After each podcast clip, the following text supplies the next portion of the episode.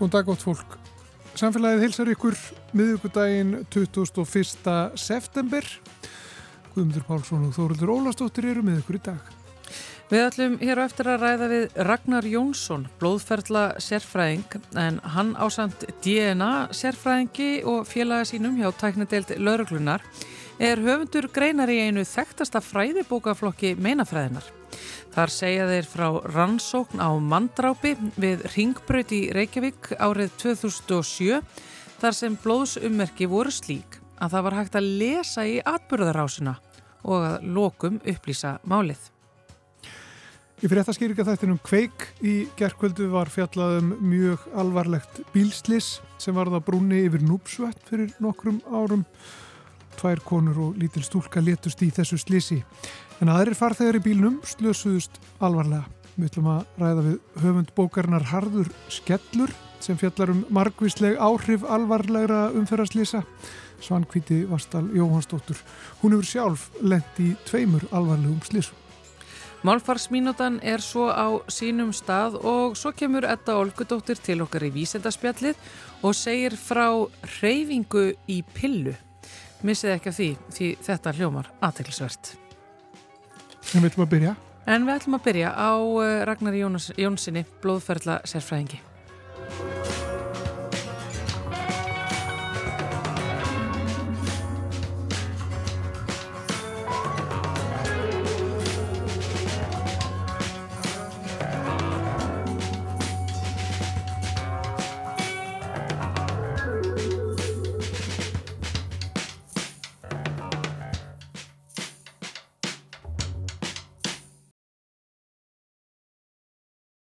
Hjá mér er sestur Ragnar Jónsson, blóðferðla sérfræðingur hjá tæknadeild lauruglunar. En Ragnar ásand Björgunni Sigursinni, sérfræðingi í DNA-greiningu, fekk nýverið byrta grein í virtu sérriti um réttarmeina fræði um rannsókn á íslensku sakamáli, þar sem rannsókn á blóði og DNA skipti sköpum þegar koma því að leysa málið. Og Ragnar er sestur hérna hjá okkur, selvvertu. Ragnar, kannski byrjaðu á að útskýra fyrir okkur hvað þitt sérfræðisvið blóðferðlagreining er?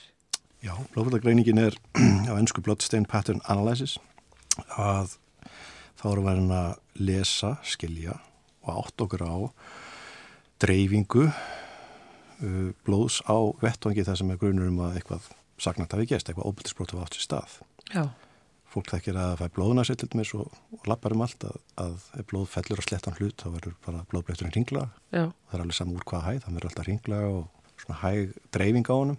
En þegar við fann að tala um krafta, áhald, áhöld, hvort sem það eru einhver verkværi, hafnabaltakilfur eða eggvapn, nývar, þá fara, fer blóði sjálft að breytast og út komið kraft og reyfingu og þá myndast þess að svo og ef við sjáum slettur auðvitað þá er e, mjög líklegast einhver, einhver hérna, átök átt sér stað einhver, einhver reyfing og hérna það gæti verið getur líka svo sem verið hérna, svona hátrýsti blóðspýtingur og opinn sár og slagað er eitthvað slíkt. Já. getur líka sérst í slísum en hérna þetta er snýstólt um, um kraftafræði og, og svona svo hefur við náttúrulega eitthvað ákveðna skynnsemissu líka. Já. hvað er vettungun að segja okkur út frá blóðinu því að það getur sagt okkur hvað gerðist, hvernig það gerðist og hvað gerðist ekki. Þetta er bara eins og þú sérst tungumálisærfræðingur sem að kann að lesa úr hýraklífri. Blóðið segir okkur sögu. Já, lesi rúnir. Já. Það, það er hérna, já það segir okkur ákveðna sögu og stundum er það gert hjá okkur þá erum við að, að hlusta á blóðið, ekki kannski hvað aðri segja en þannig getur við annarkort staðfest eða rakið vittnesburð um eitthvað atbyrðars. Já. Og það kemur nú öðru koru upp í sakamálum eins og til dæmis það mál sem að þú og Björgvinn takki fyrir í, í, í greinin ykkar. Hversu oft er þetta sem að er unnið eh, hjá ykkur í blóðferðlagreiningu og DNA-greiningu og þessi svona tæknilega bakvinna sakamála, hversu oft skiptur hún máli? Hún skiptir bara mjög miklu máli í, og í miklu fleiri málum heldur en bara uh, þeim al, svona allra alvarlegast eins og talaður um mandramusíu. Mm. Þetta er í kynfisbrótamálum sem er líka náttúrulega gravaralegi mál.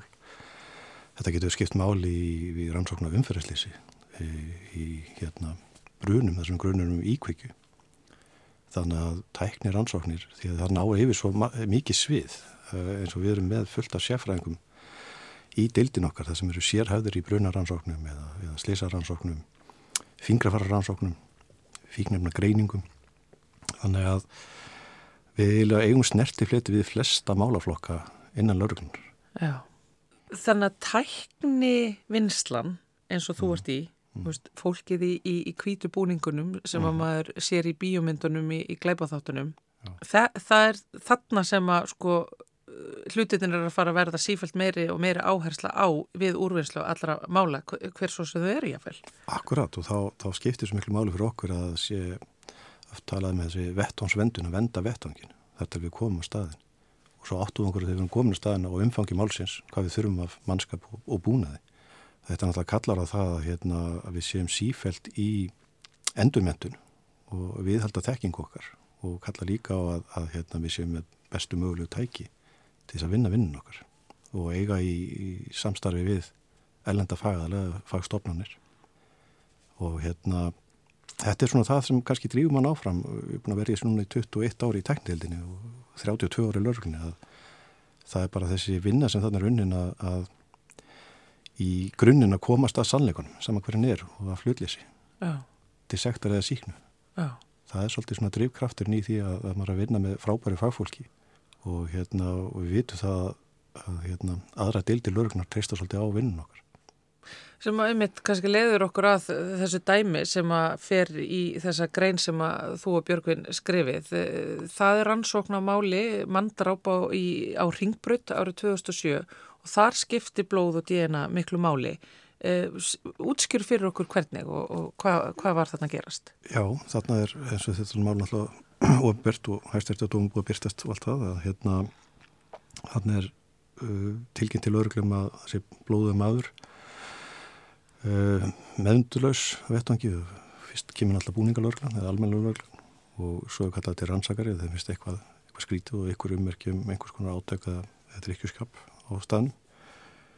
Uh, ég kem hérna nokkrum klukktími setna þegar eru að ljósta að það er mikið að blóði upp um alla veggi blóðslettur og hérna stór blóðblettur í rúmi þar sem aðeins er leið þannig að skipti blóðfællagreiningin máli svona þegar það fór að líða á að við erum hérna nokkra daga að vinna.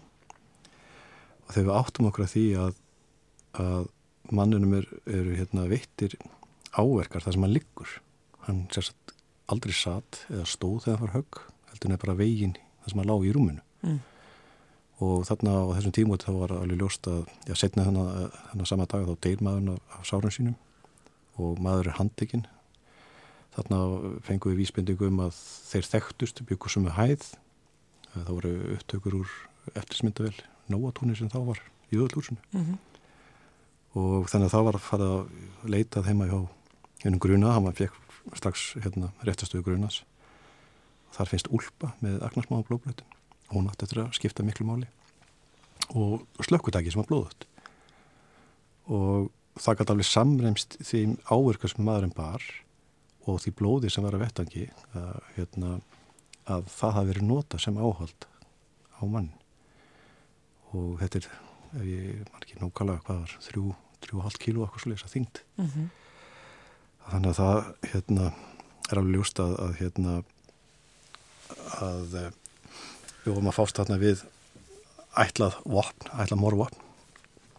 Og svo sérkjörlega vildi til í þessu tilfelli að ég var bara tveimur mánum áður búin að vera að ljúka framhalsnámi í bandaríkjörnum í blóðfallagreiningu þar sem loka verkefnum mitt uh, prófið var dæmum uh, hérna mann sem hérna uh, lamdi konuna sína með hamri í rúmi. Og þannig er ég að horfa eiginlega nákvæmlega sömu ferli, ég ætla ekki að trúa því ég var svona stega aðeins frá og horfið á veggina og dreifinguna og þannig að vafflaga feril sem myndast ofan við höfugablin ég veist að þetta er bara nákvæmlega eins lokaverkefni mitt bara tveim mánuði fyrr. Og hérna en það segir ekki allar söguna það er hérna, það er hérna þá fyrir að kemur DNA hinn í ja. úr hverjum er blóðið. Og hérna eins og að fatna þessar úlpu sem ég nefndi aðan að þegar það kemur ljósa þessi mikla dreifinga agnarsmáum blóðblötum er frá fórnalambunum, þólandunum þá er það svolítið erfitt þann sem er á úlpunum og var í úlpunni og útskýra hvernig stæða því sko og þá fór að koma mismöndir svona síðari stegum þegar málið var komið fyrir dóm. Og má lesa um að þá fór að koma mismöndi útskýringar á þessum blóðblötum oh. hann hefði tekið höfuð uh, hérna, félagasins í fangið. Þá gæti ég sagt bara nei, það passar ekki. Ég var búin að vera menta mér þessum fræðum þarna í hvað einn 5-6 ár. Ég sagði bara blóð og gert alls konar tilrunir blóð sem kemur frá hári mynda bara alltaf öðru sér blóð, blóðferil heldur en agnarsmáa slettur þá sagði hann já, breytt hann aftur frambyrju og sagði já, það er hérna hann hústaði blóði, ég sagði nei, nei, það passar ég heldur ekki vegna þess að blóð sem þú hústar með súrefni myndist oft loftbólur og þegar það springa þá verður bara blóður ringur og eigða í miðunni það var ekkert slíkt að finna þarna. Hann er gætu við rakið frambörðum eitthvað og sagt þetta gerist með þessum hætti.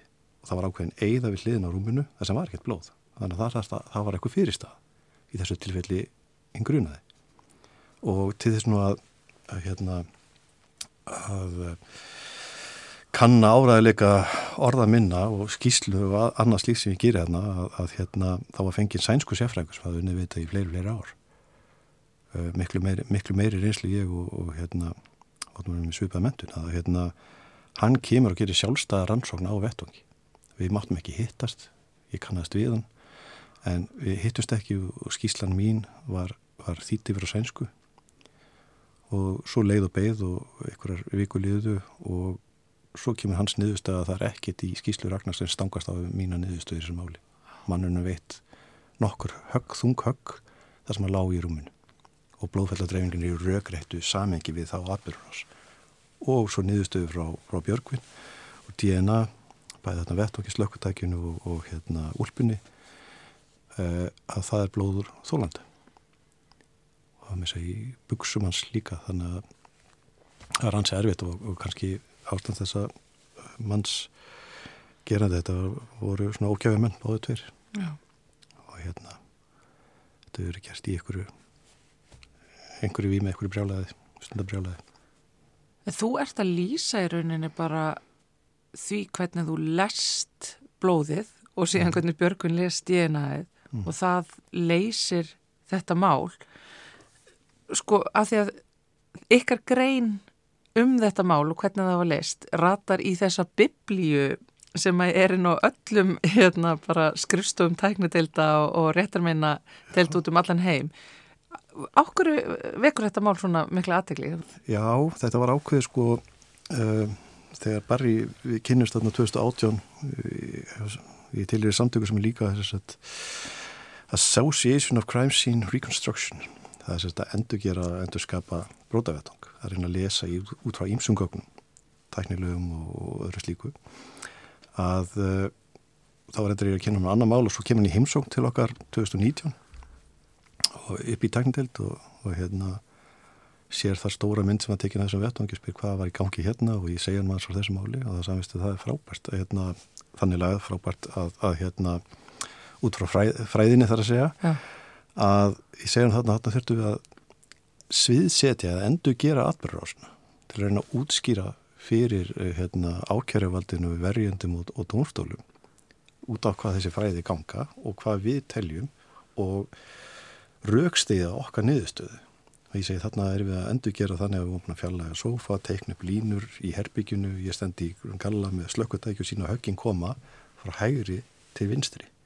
Þannig liftir ekki yfir höfuð sér. Ja því það er enga slektur í loftinu. Þannig að höggin hljóta hafa komið á hlið og á krafti nokkur sinna og það sagðan við erum akkurat að gera hérna, uh, við erum að fara í nýjundu útgáfa bókin okkar. Og það er alveg nýr kaplu um blóðhællagreiningu og uh, endurgerð brótavættanga og þetta er bara skólabóka dæmi um hvernig þetta vinnur saman.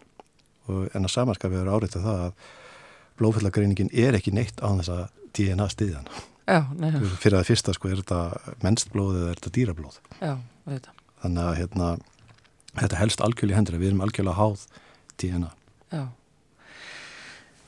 Þetta er náttúrulega alveg mögnuð fræði og, og, og það er náttúrulega hvernig þau notuð geruðu kannski svona óhugnarlega aðlæðandi eins og maður sér svo sem í áhuga almennings á krimma bókum, krimma þáttum, útvastáttum mm. um, bara sem fræðigrein, hvar stendur hún? Hvernig er hún að þróast? Er, er hún jafn heit og áhuga almenningsleitur að vera? Já, ég myndi segja það. Það er alltaf bara síðustu árum með sérstaklega með tilkomu þrývitaðtækninar sem held ég upp að það er nú aðalega notað fyrir verkfræðinga, byggja brýr og stíplur og Einmitt. hvað slíkt og svo fór hann að kanna pýrimetina með þessu þá svo fór einhvers fáður sem geti lauruglan ekki notað þetta? Og þessi í dag þá er flest lauruglan með, með hérna, flíildi eða ómunnu loftfyrir eða hvað kallaðu, dróna sérsagt og þrývítaskanna og, og hérna alls konar forrið til að vinna úr öllu og gera alls konar mælingar. Sama með efnafræðinni, blóð hefur þrifið upp, þá er til efni sem búið til lengi, ykkur 50, 60, 70 ár, luminol, Já. sem uh, gefur uh, bláman, svona bláan ljóma, flúrljómar, ef það kemst í snertingu við blóð. Og við jæfnvel horfum á hreint gólf, úðum luminoli og fáum blá ljóman. Mm -hmm. uh, það er alveg magnað að sjá það virka á, á brótavettangi og þegar við tökum síðan síni og ljós kemur þetta er mennst blóð að átt okkur á ok, hérna hefur vettangur í þrifin, það bara er aðum á ummerki. Í dag er tækninurinn þannig að menn segja ok, þetta er frábært efni, getum við gert betur. Í dag er komið nýtt efni sem heitir Lumisín. Þú getur slett á vegg, þú getur þrifan, þú getur málað yfir hann tvirsar. Lumisín finnur það. Nei! Af því það reaktar við hemaglópinu játnið í blóðinu. Samir við með önnur efni sem uh, gefa sögurinn eða kemst í snertingu í prótin í blóðinu. Þá getur við, það er óljóst döft, uh, blóðugt skófar, það getur við sett hangarjan rétt yfir og ert að fá miklu meiri upplýsingar í skómunstrinu. Saman með blóðu fingarfur, þannig að þróunin orður svolítið svo mikil. Uh, ljóskjafar, konur yfir í fullkona leysir að það er alveg að sama, sjá hár og þræði og þú heldur þetta herbyggi sem mjög reynd og snirtilegt ef um þú slökkur ljósun og undir setja á því ákveðin gleru sem fylgir út aðra bylgjulendir þá væri við kannski ekki tilbúin að setja í þessum stól sem þú sittur í. Oh. þannig að þetta er svona uh, veist, þetta sem að, svolítið heitlamann og við erum alltaf að fá betri og betri verkværi og það sem er með okkur að svona deild sem er að vinna í réttar vísundum forensic science og þetta íslenska heitir sér tæknitild að þá þurfum við að hafa ansið stóra verkværa kistu með fullt af alls konar svona efnum Eh, tækjum og tólum, leysurum, flýjundum, góðum eða bestu, bestu tækja sem við völ er á og við þurfum mentun, símentun. Hversu góð eru við hér á Íslandi þá? Ég myndi segja bara með það því ég er í, í hérna, stjórn Norratna blóðfællarsjáfræðing og við fundum eins og í mánuði, símafundi og, og hérna svo hittust við annarkvært ár og höfum æfingar saman og, og förum yfir mál til þess að læra af. Að þegar maður var að byrja uh, aftur til ásins 2004 þá var maður svona pínu lítið í sér og, og hérna bara litli Ísland og hérna æg við erum svo langt í land. En þróunin hefur bara verið að við erum alveg á pari. Það hittir allt miklu stærri lauruglið og meiri mannskapur. Uh. en svipuð búin svona tækjalega séð. Það eru ímis tækja tólaðum út sem okkur döðu langar í en, en við þurfum bara að forgansraða að reyna að vera svolítið skynsum uh, samfélag breytast og áherslunar þá kannski með þeim líka. Að uh, það er áhugjefni ef við erum að sjá aukið óbeldi hérna. Mm -hmm. uh, við erum ekki það mörg og ekki yngist við þannig að í, kannski á ég segja að því miður sé ég fyrir mér að deildin verði stærri í náinu framtíð verður fleiri sérfræðingar bara vegna þess að verkefni kalla á það Já, að því að einmitt eins fræðilega spennandi og þetta er að þá kemur þessi fræðigrein því miður ekki til heldur að góðu. Akkurat, það er bara þannig. Hversu gott áttu með það hvernig e, þín fræðigrein og, og þínu kollegar eru settir fram í menningar aftreyingar efni og veist, Dexter og CSI og að það allt? Það er ekki orðað að penta, það er mjög svona mjög misjátt sömt er alveg vel gert og það fer endar svolítið eftir löndum breytanir eina að gera þetta svona yfirvögun og flott mm -hmm. svona trúverðir karakterar og, og norðurlöndunum líka en bandaríkt dæmi er svolítið að afskræma og gera þetta svolítið vittlust þannig að stundum svona flissa maður og, en ég er, ég er lungu hægt að vera leðileika einn sko. það er alveg hægt að horfa á þetta með mér í dag ég er bara slekki á skynnsiminu og reyna að hafa bara gaman að þessu sko. Af þú segir að þið miður komið þetta til með að skipta meira og meira máli, eh, kemur þetta í staðin fyrir búningalökurnar? erlenda raunveruleikans sem að ganga á milli og draga sögurnar upp úr fólkinu. Um, er þetta dýrar og tímafrekara? Þetta er klálega mjög dýrt og þetta er vissulega tímafrekt því að við verðum að vanda okkur og við verðum að sannreina og við verðum að bera undir okkar niðurstöður undir jafningja sem fara yfir og þeir gera sína sjálfstæðu skoðun og ef við erum öll sammálu um að þetta sé ákveðin niðurstöð hvort sem það er blóðfellagreining eða samanbyrður og fingraförum eitthvað slíkt þá skrifum við alltaf tvö upp á að staðfesta. En þetta kemur aldrei í veg fyrir sínileika lauruglu, búningalöruglunar og þeirra umgöður hefur breyst sjáum bara þegar ég byrjaði að það var í hérna, hátíðabúning með trékjölu og handjátt í, í beltinu. Í dag er, er unga fólki í dag á göttinni í nývavestum með hérna, búkmyndavilar, tækjabelti. Þetta er orðið svolítið svona aukvæðilegt. En það er ekki að þeir lögurinn vildi breytast. Samfélagir að breytast. Og lögurinn breytist með? Já, og það má aldrei taka þetta eh, frá lögurinn sem ávarar þverskurinn svolítið að samfélaginu. Og að maður alltaf spyrja sig hvernig einn lauruglu viljum við hafa? Viljum við ekki uh, hafa þannig samfélag að við getum átt samtal? Ef maður spyr sig ef eitthvað kæmi fyrir barnið mitt eða mína nánustu verði ég ekki geta treyst lauruglun og leita til hennar? Ragnar, uh, að lokum þessi bók sem að greinin ykkar byrtist í er hérna fyrir frá mig, ég ætla nú ekki að láta það vera flettina þegar ég veit að það eru alls konar myndir inn í henni og uh, þú ert síðan að fara á fagraðstöfnu þar sem þú ætlar að not, segja betur frá þessu máli. Sko ég bara las mig til um þetta og þetta er náttúrulega mikil upphefð að uh, Íslandst fræðafólk sé að fá grein byrta í, í, í annar eins uh, biblíu. Verður meira af því? Já, við eigum alveg því miður mál sem eru mjög áhugaverð. Og hérna uh, hafa vakið aðtekli innan, innan sko lauruglusamfélagsins viða og hérna þetta er allt bara spurning um tíma og stund hvernig er rétt að fá eitthvað byrt en ég vona það að hérna allan er þó augum þessa fræðihós opnuð að, að hérna við eigum við blóðfælda sérfræðing og sérfræðinga uh, hérna heima. Og, og hérna þróunum verði áfram svo að, að við höldum bara áfram að vaksa og dafna og, og fáum tækifæri til að sækja svona viðbyrði sækja okkur mentun og, og jafnvel taka inn í, í ég held ég klárlega í náinu framtíð leita meira til háskóla samfélagsins því það er allstaðar vísindamenn og fræðimenn og, og sem geta aðstóða okkur. Það tala nú ekki um almenning. Og almenningur, það sjálfsögur. Ragnar Jónsson, blóðferðla sérfræðingur hjá Tæknadeild Lauruglunar. Takk hjá fyrir komuna í samfélagið. Takk fyrir mig.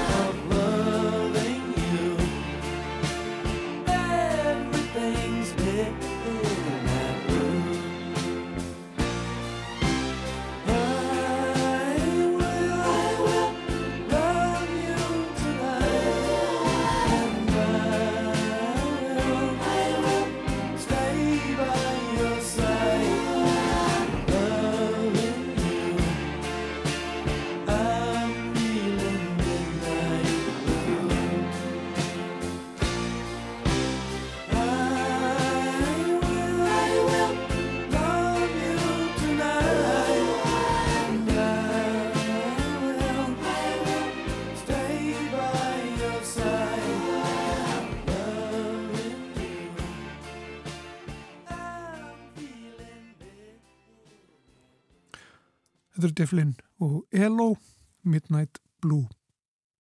Í fréttaskýringa þættinum Kveik í gerðkvöldi var fjallað um hörmulegt bílslis á brúni yfir Núpsvötn fyrir fjórum árum þar sem uh, þrjú letust og hinn sem voru í bílunum slösuðust mjög mikið og við ætlum að ræða áhrifin af slíkum slísum næstu mínúturnar við svangvíti Varstal Jóhannsdóttur Hjúgrunafræðing sem sjálf hefur lendi í tveimur bílslísum og skrifaði nýlega bók um áhrif alvarlegra umferðarslýsa á andlega, líkamlega, tilfinningalega og félagslega heilsu. Og Svangvít er á línunni. Kondur sæl Svangvít. Já, kontur sæl að blessa þess. Eða við kannski að, að byrja bara aðeins á þinni reynslu. Þú búið tvísvarsunum fengið, fengið alvarlega ávarka í umferðarslýsum og þurft að glíma við eftirkostin. Getur sagt okkur bara frá Já. því sem þú lendir í? Já, sko, fyrir þessi var árið 1988 upp í Kvalfyrði og það var auðvitað sem myrti stjórn á bíl sínum og letti fram hann á bíl sem ég var fatta í. Og ég var hérna í þessu slísi á svont uh, dóttir minni sem var þá var 5 ára og fyrir hundi eigimannu minnum og hérna ófættum síni. Og ég slasaðist til þess mikið í þessu slísi mest af öllum. En ég var til að fljóta jafna mig eða tannig lagast og hérna og náði bara að verða fullt vinnufær eftir slís og var að vinna í rúm og tvo árið til þessum hjógrannfrængur. Svo lendi ég aftur í alvarlegum til slísi 19 árum setna árið 2007 og þá er ég að leiði vinnu og ég hérna, fæ strætisvagn á bílunum á metrobreytunni eða geng kringlinni þar sem að ég er að koma sko frá kringlinni og ég sé að fara í Vesturbæi og og bara bílunum fór alveg í klassu og ég var svona uh, í fimm mánu að reyna að svona standa með að vera að vinna, að hluta og finna út bara hvort ég gæti unni en eftir fimm mánu var ég alveg sprungin að minnu og ég var óvinnið fær um, sex ára eftir þetta slís og, og það kostiði mikla endurhefingu og ég náði ekki alveg fyrir vinnu getið eftir slísið en er svona samt verið að vinna núna sýtti nýja ár. Já. Og, og, við tók, og, og við tók hvað? Hvað tók við hjá þér í, í svona, já, ná heilsu og glíma við eftirkvöstin? Já, jú, það, það fór eiginlega það. Ég fór í bara greiðalega mestla endurhæfingu. Ég fór í endurhæfingu á Reykjavín, svo fór ég endurhæfingu á Virk sem var nýstofnað og þá var nú eiginlega að tala um ég myndi ekki verða að vinna þar aftur en ég var ekki alveg tilbúin að gefast upp og svo enda með því að ég fór í Janus, þessu endurhæfingu og og þraut og það svona, uh, já, á svona næri sex, að tók næri sex ár ekki minn, bara koma mér út úr verkjum og mér bara svona svolítið á lagtinar eftir eftir þetta slís og hérna, en eftir þetta segnaslísi, ég fikk mjög tungt höfuhættu þessu segnaslísi og og minni mitt var mjög tröflast og þá fór ég að halda dagbók og hérna til bara í raunin að muna og svo sapnaði þetta aftur gognum og ég ákvað bara að vinna úr þessu öllu saman til þess að og koma því frá mér þannig að ef það mögulega verið eitthvað annað sem geti nýttir reynslu mína og kemur á einhverju gagnir fyrir aðra. Já, og þú skrifa þessa bók sem heitir Harður skellur uh, þar sem þú rekur, já. þú náttúrulega segir frá þinni reynslu og svo rekur svona, uh, já þú ert að fara yfir þau áhrif sem að svona alvarleg umferðslis hafa og þetta eru margvíslega áhrif og þau eru langvarandi. Já, já og ég held að margir sko aftur sér ekki á því hvað við eru um fjölfætt það, það að tapast við sér bara að það fylgir því mikil sorg og það þarf að vinna út því. Ég meina helsa er eitthvað að mikilvægast það sem við eigum og það er bara ákvæmt að lenda í, í því að missa helsu og eitthvað sem gerist alltaf fyrir að vara löst mm -hmm. Já Þú, þú sást hennan þátt sem var í gerðkvöldi þar sem var fjallað um þetta alvarlega, mjög svo alvarlega eh, umferðslís eh, sem var þarna fyrir fjórum árum síðan þar sem að erlendir ferðamenn létust þrýr, létust í, í því slísi og, og fjóri slösuðust mjög alvarlega mm -hmm. hvaða svona ja, hvað finnst þér standa upp úr sem er búin að vera að, að stúdira þetta í alla þennan tíma og hefur þína reynslu, hvað finnst þér svona standa upp úr eftir þennan þátt? Já, mér fannst náttúrulega bara hræðilega átakalegt að sjá viðtal við þessu fælgin og bara alveg stingi hjartan yfir að bara upplefa að heyra um þeirra reynslu. En kannski eru svona nokkur atriði sem ég tók til mín og, og fyrstulega að það erum yfirlt margir samverkandi tættir sem valda því að alvarleg slís eiga sér stað bæði aðstæður og mannleg mistök. Og síðan bara á bakvið all alvarleg slís eru einhverju sem þjást eða einhver einn einstaklega sem þjáist hvernig sem það er, það er þjáninga bakveg þessi slís og mér líka þetta áhugavert að hérna, þessi unga stúrsta hún gæti líst mjög skýrt öllu sem gerðist ótrúlega nákvæmlega. Og það er alveg skýring á því að þegar maður lendir í svona áfalli þá hérna, upplifum maður áfalli með öllum skilningavítum sjón og hefn og, og kannski lykt finnur lykt og, og hérna snertingu húð og annað þess að mann hún mjög vel. En hins vegar fadur hennar hann hefur ekki þessar minningar og það er svo tengt því að hann fekk höfuhögg og ég þekki bá, bæði þessi aðri, ég man mjög vel eftir aðdraðanda fyrirslýsi en ég hefur enga minningar eftir segnaslýsi og síðan talaði hún um mikilvægis að geta tjáð líðan sína Um, hjá mér var það eiginlega bara að skrifa mig frá svolítið þessar reynslu, segna reynslu minni. Og ég held að það sé líka ótrúlega mikilvægt að segja svona sögur svo við öll getum last af því og þannig að þetta nýta reynslu annara til þegar kannski gera einhverjum örygari og svo við þetta um viðbröð áslýstar og þetta er svona kannski það sem ég var að hugsa um eftir að hafa, eftir að hafa horta á þennan þátt. Já, og, og viðbröð slýstað, hvað er það þá helst sem, að, sem þú veldi fyrir þið þar?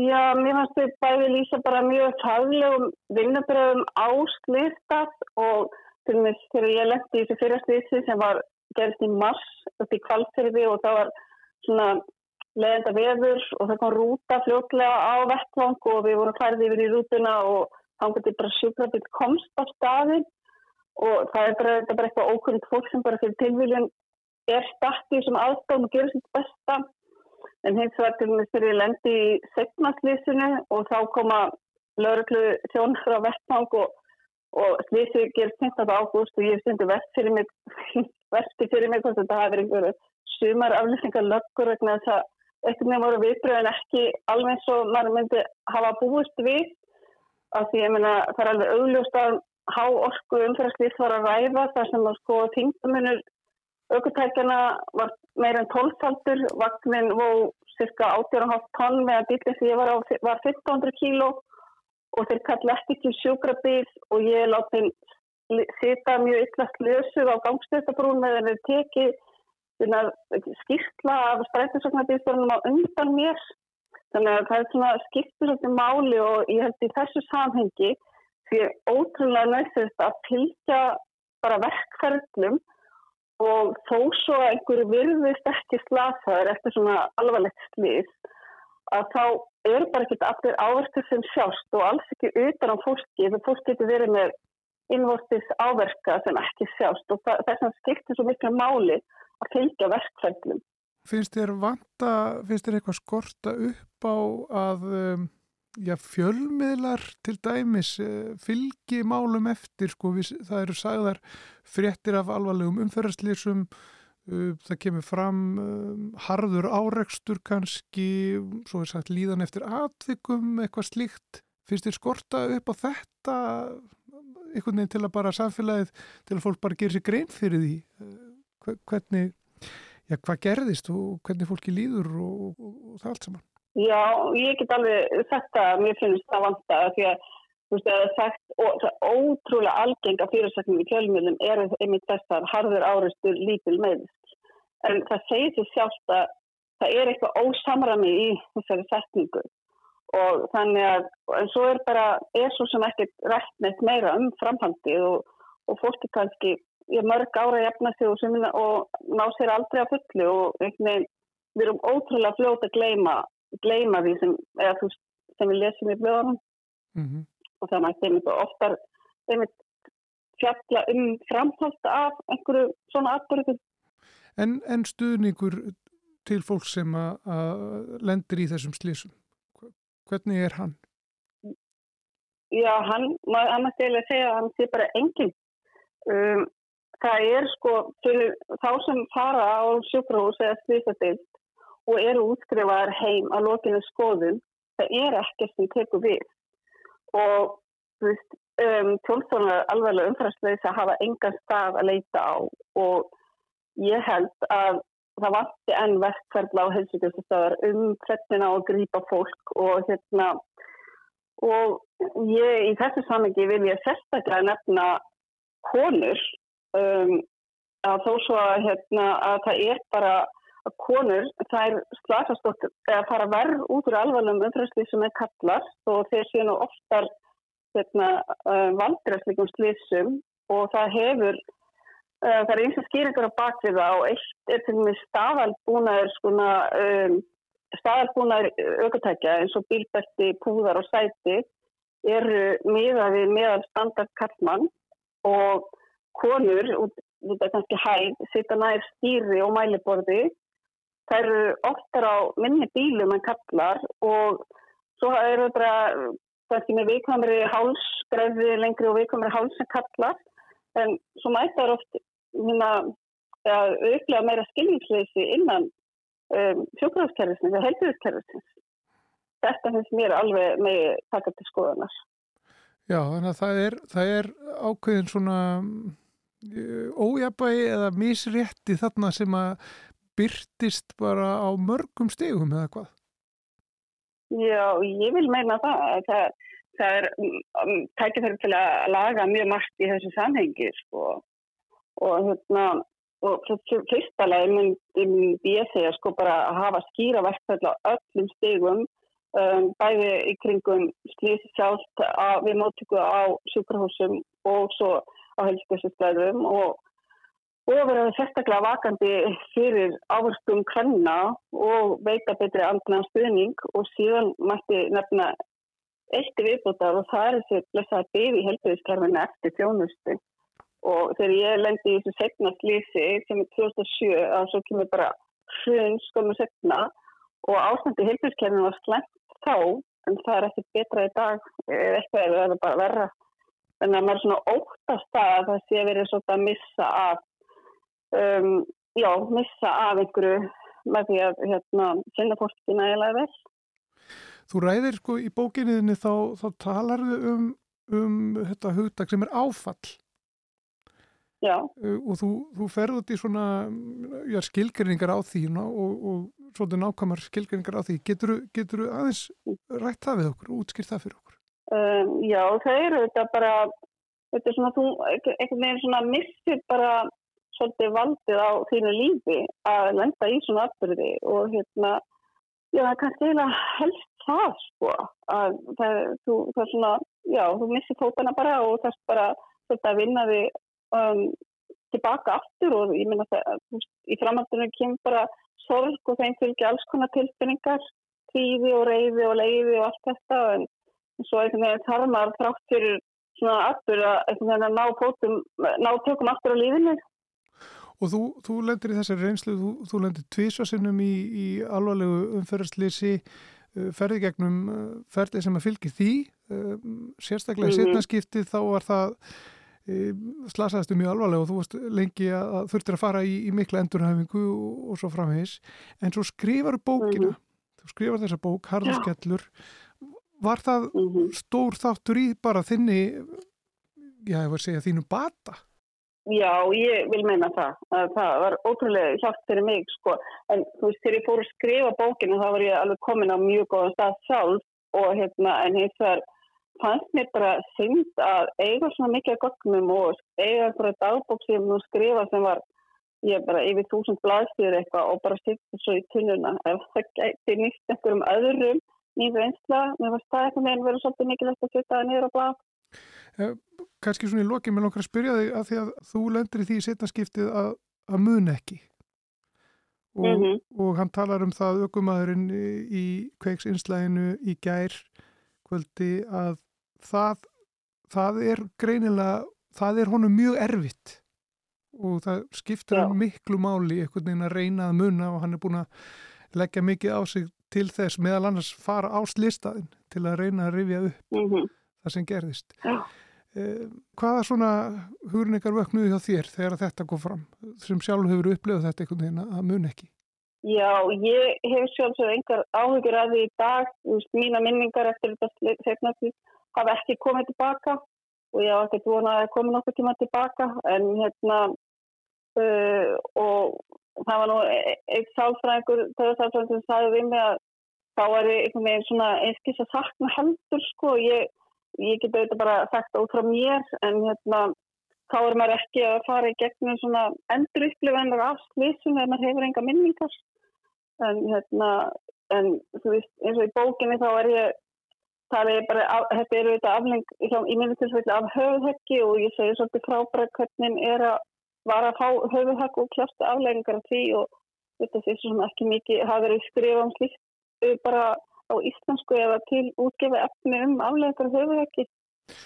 Við skulum ljúka þessu samtali á þessu svangvít Vastal Jóhansdóttir eh, höfundubókarinnar Harður Skellur þar sem ég fjallaði um áhrif alvarlegra umferðarslýsa og andlega, líkamlega, tilfinningarlega og félagslega heilsu. Takk fyrir spjallið. Já, takk sem reyðir. Hér framöndan hjá okkur í samfélaginu er vísindarspjallið með ettu Olgu Dóttur en eh, áður en við eh, setjum það í gang skulum við fá já, bæði lag sem og eins og eina málfarsmínútu.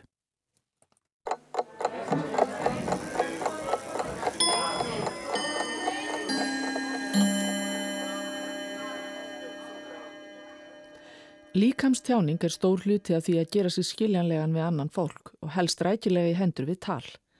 Sumar gerðir líkamstjáningar hafa meira að segja sérstakt heiti. Til dæmis svo að lifta upp aukslum í einsum tilgangi, svo sem til að gefa til kynna að mann viti ekki eitthvað, að manni sé alveg sama eða finnist eitthvað ekki skipta máli. Þetta er ímist kallað að yppa aukslum eða yfta aukslum. Fyrir ykkar skrítið orð, yppa eða yfta.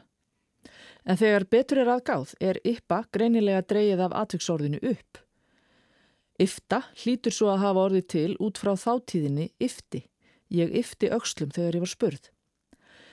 Orðin yppa og yfta eru nær engöngu notu í þessu orðasambandi að yfta aukslum eða yppa aukslum eða yfta yppa.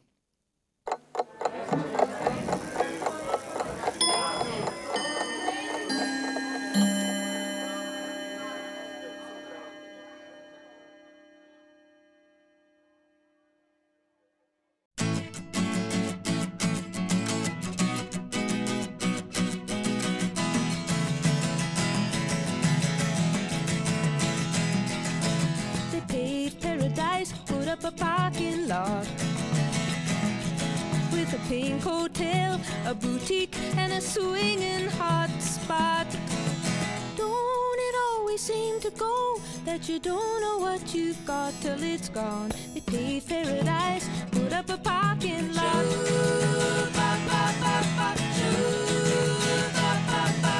They took all the trees, put them in a tree museum. cost the people a dollar and a half just to see them. Don't it always seem to go that you don't know what you've got till it's gone? They paved paradise, put up a parking lot.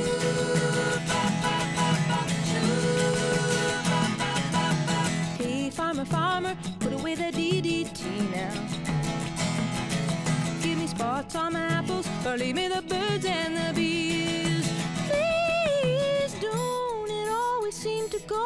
That you don't know what you've got till it's gone. They paved paradise, put up a parking lot.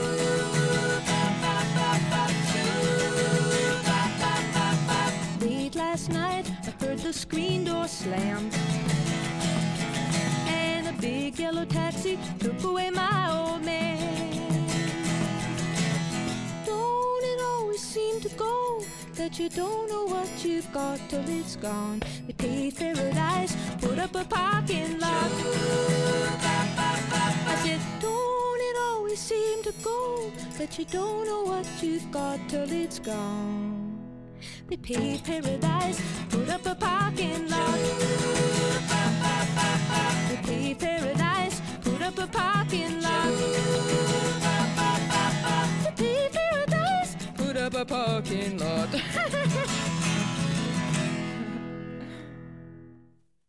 Þetta var Jóni Mitchell. Big Yellow Taxi. En þá er komið að okkar konu í vísindum, Edda Olgudóttir, sest hjá okkur í vísindaspjalli Sælverstu. Sælverði. Þú uh, flyttur okkur stórmerk tíðindi, er ég að vona allavega? Ekki fyrsta skipti. Nei, ég er alltaf að flytja ykkur stórmerk tíðindi, en Já. núna, nú eru alvöru tíðindi. Og við, hérna, þetta er svolítið tengt því sem við vorum að ræða í síðustu viku og þá vorum við að hérna, tala um hvernig hreyfing getur haft sko jákvæð áhrif til að hindra myndun Parkinsons og þá vorum við sérstaklega að tala um eitt prótín sem að heitir írisin sem að myndast í vöðvunum okkar þegar við hérna hreyfum okkur og því er seitt út í blóðrásina og hefur svo áhrif á svæðin í heilanum sem að verða fyrir áhrifum af Parkinsons. Bæði þannig að þau hérna einhvern veginn draga úr þessum útfell, prótín útfellingum sem að verða í Parkinson og vernda svæðið og þá kemur náttúrulega upp þessi hugmynd að við getum bara gefið fólki hreyfingu í pillu og þannig vernda fólk gegn Parkinson Já, já. og svo rakst ég á aðra grein núna í gær þar sem er hérna, svipuð hugmynd uppi þar sem við erum með hreyfingu í pillu En í þetta sinn er það ekki írisin, heldur annað prótín sem að heitir lokamítasól sem er skamstafað LAMZ, þannig að ég ætla bara að kalla það LAMS, það er langa einfaldast. og þetta prótín, það er nefnilega, hefur áhrif á sko uh, beinin okkur og vöðvana. Vegna þess að þegar við hreyfum okkur, þá, og þetta er einmitt það sem við endum svolítið á að tala um hérna í síðustu viku, að hreyfing hefur áhrif á sko rosalega margt. Og það er ekkert eitthvað eitt prótín sem myndast heldur mörg og þau hafa áhrif á mismunandi vefi á mismunandi hátt. Og það sem að gerist til dæmis þegar við hreyfum okkur er það að við erum að örfa uppbyggingu á vöðvum og beinum. Og allir vefi líkamanns eru þannig settir upp að við erum í svona viðhaldi á þeim. Við erum bæði sko að, að setja nýjar frumur inn og byggja upp nýtt en svo erum við líka taka úr umferð þar sem er orðið gamalt og er ekki lengur að sinna sínu hlutverki vel Mm. og þannig virkar það bæði með vöðvana og beinin að þó að beinin séu svona harður vefur þá eru þau lifandi og það eru alltaf í stöðugri uppbyggingu og líka í ákveðnu niðurbroti vegna sem við erum líka að reyna að losa okkur við það sem er gamalt. En svo stundum verður einhver svona hérna, skerðing þarna á eða það verður bara einhver, kemur einhver villa þannig að uppbyggingin, hún nær kannski ekki að halda í við niður, hérna, niðurbrotið. Og þetta getur gerst vegna þess að uh, bara út af einhverjum sjúkdómum en svo getur þetta líka gerst vegna hreyfingaleysis og það þekkja þetta öruglega einhverjir sem að hafa verið sko rúmliggjandi vegna til dæmi sjúkdóma eða eitthvað slíkt. Mm -hmm. Að líka minn er bara ótrúlega fljótur að rýrna. Já. og við verðum bara, það tekur eiginlega bara alveg ótrúlega stuttan tíma að maður sér bara munin á hérna útlimum hversu mikið hérna, hversu mikla, mikla vöðva maður hefur. Og sama á við um beinin, þau verða bara viðkvæmari. Þannig að það er mjög mikilvægt að hreyfa sig. Og í nútíma samfélagi að þá kannski er þetta ekki, þú veist, þá verður þetta og mun sennilega verða meira uh, það verður erfiðar að viðhalda þessu, þessari uppbyggingu sem við höfum alltaf fengið í gegnum hreyfingu. Og þá sérstaklega hjá fólki sem að sko hreyfir sig ekki dagstaglega bara við vinnu. Af því að mörg okkar sitja bara við tölvu og, og það, við fáum bara ekki næjanlega hreyfingu út úr í dagstaglegu lífi. Þú sagði þetta einmitt eh, síðast að, að líkaminn er skapaði fyrir hreyfingu en við erum eins og búin að búa til samfélag þar sem að enginn hreyfir sig lengur. Þannig að líkaminn bara kóðunar þar að leiða þetta niður af því að hann er ekki að gera það sem honum er ætlað að gera. Þetta er eins og við séum að setja við erum svolítið að lemja niður bara þróunarsöguna hérna, sko. Svolítið, já, nákvæmlega aðeins að dissana, sko já. og við, náttúrulega, hérna, margir bara grýpa þá sko af því að við kannski sitjum allan daginn þá eigðum við klukkutíma í rættinni eða klukkutíma út að ganga eða fara út að hlaupa og þá eru við svona að nulla þetta svolítið út Einmitt. en svo er ekkit allir sem að geta það og svo getur líka komið upp svo staða að fólk getur bara ekki hreift sig út af einhverjum sjúkdómum og, eða, og þá verður þetta sko að hálkjörum vítarhing já, já. vegna svo, svo þegar að beinin og vöðvarnir og orðnir nægilega veikburða að þá getur hreyfing orðið sko erfið og hættuleg og það er eiginlega þar sem að þessi grein er að, að skoða hvar við getum haft áhrif vegna þess að þau eru semst að skoða þetta lamsprótín og eru að, að hérna, finna það vegna þess að þau eru að skoða frumræktir af beinafrumum og vöðvafrumum og er að skoða hvaða prótín verða til í miklu magni þegar að frumurnar eru í uppbyggingu. Þannig að þau eru bara að skoða hvaða prótín eru það sem að er að störfum þegar að vefirnir fara í þessa uppbyggingu sem að kemur í kjölfarað á hreyfingu. Og lamsprótín er eitt af því sem þau finna uh, og svo prófa þau að gefa músum þetta og eru semst að gefa þeim þetta bara í gegnum fæðu mm -hmm. og þau fá þetta prótín bara með fæðunni og svo, skoða, og svo er þau náttúrulega með viðmiðnarhópa músum sem fær ekki lamsprótínið og skoða bara hvort það verður einhver beina og vöðva uppbygging og það, þau sjá marktækan mun á þessum hópum sem þýðir að prótínið þar sem að þau eru með hérna, kontrollerar aðstæðar á því hversu mikið mísnar geta hreift sig að prótínið er að stuðla að því að við erum að byggja upp uh, bein og vöðva. Þannig að þannig erum við kannski komin með þú veist, hreyfingu í pillu til þess að geta byrjað ferilinn að koma sér af stað í að hreyfa sig svo þetta geti gerst náttúrulega. Og þannig að það er hérna mjög jákvægt og við getum þá hjálpa fólki að komast yfir í þetta náttúrulega ástand sem að þú ert að vísa í þar sem að við eigum að vera að hreyfa okkur. Já, já. Þetta er einmitt mjög aðteglisvert að því að mér skilst að til dæmis inn á spítulum að þá er náttúrulega, er þetta mikið vandamál mm. með bara hvað fólk rýrnar fljókt í veikendum sínum Já. og einmitt að það er einhvern veginn búið erfitt að setja mjög veika manneski á hlaupabretti eða skipin út í einhverja hálftíma gungutúr ef að það væri bara hægt að fleita þeim yfir þetta tímabil með þeim eitt reyfingu í pillu þar til að þau geta náttúrulega auðvitað gert það sem er besta og náttúrulegast og eðlegast líka mannum að gera. Nákvæmlega og það er nákvæmlega máli. Við, við viljum kannski fleita okkur upp á þeim punkti þar sem við getum gert þetta sjálf af því að svo er þetta alveg eins og við töluðum um í síðustu viku og ég ymbraði þess á hérna áðan að þetta er ekkert hérna, hreyfing er ekki laust með einu vandamáli. Það er svo rosalega viðtækt mm -hmm. og mhm. þegar að þú hérna, kemst á þann stað að þú getur ekki hreyft þig, þá ertu líka farin að spila svolítið inn á ferla sem að hafa áhrif annars þar, til dæmis í heilanum eða hérna, hjarta á æðakerfinu.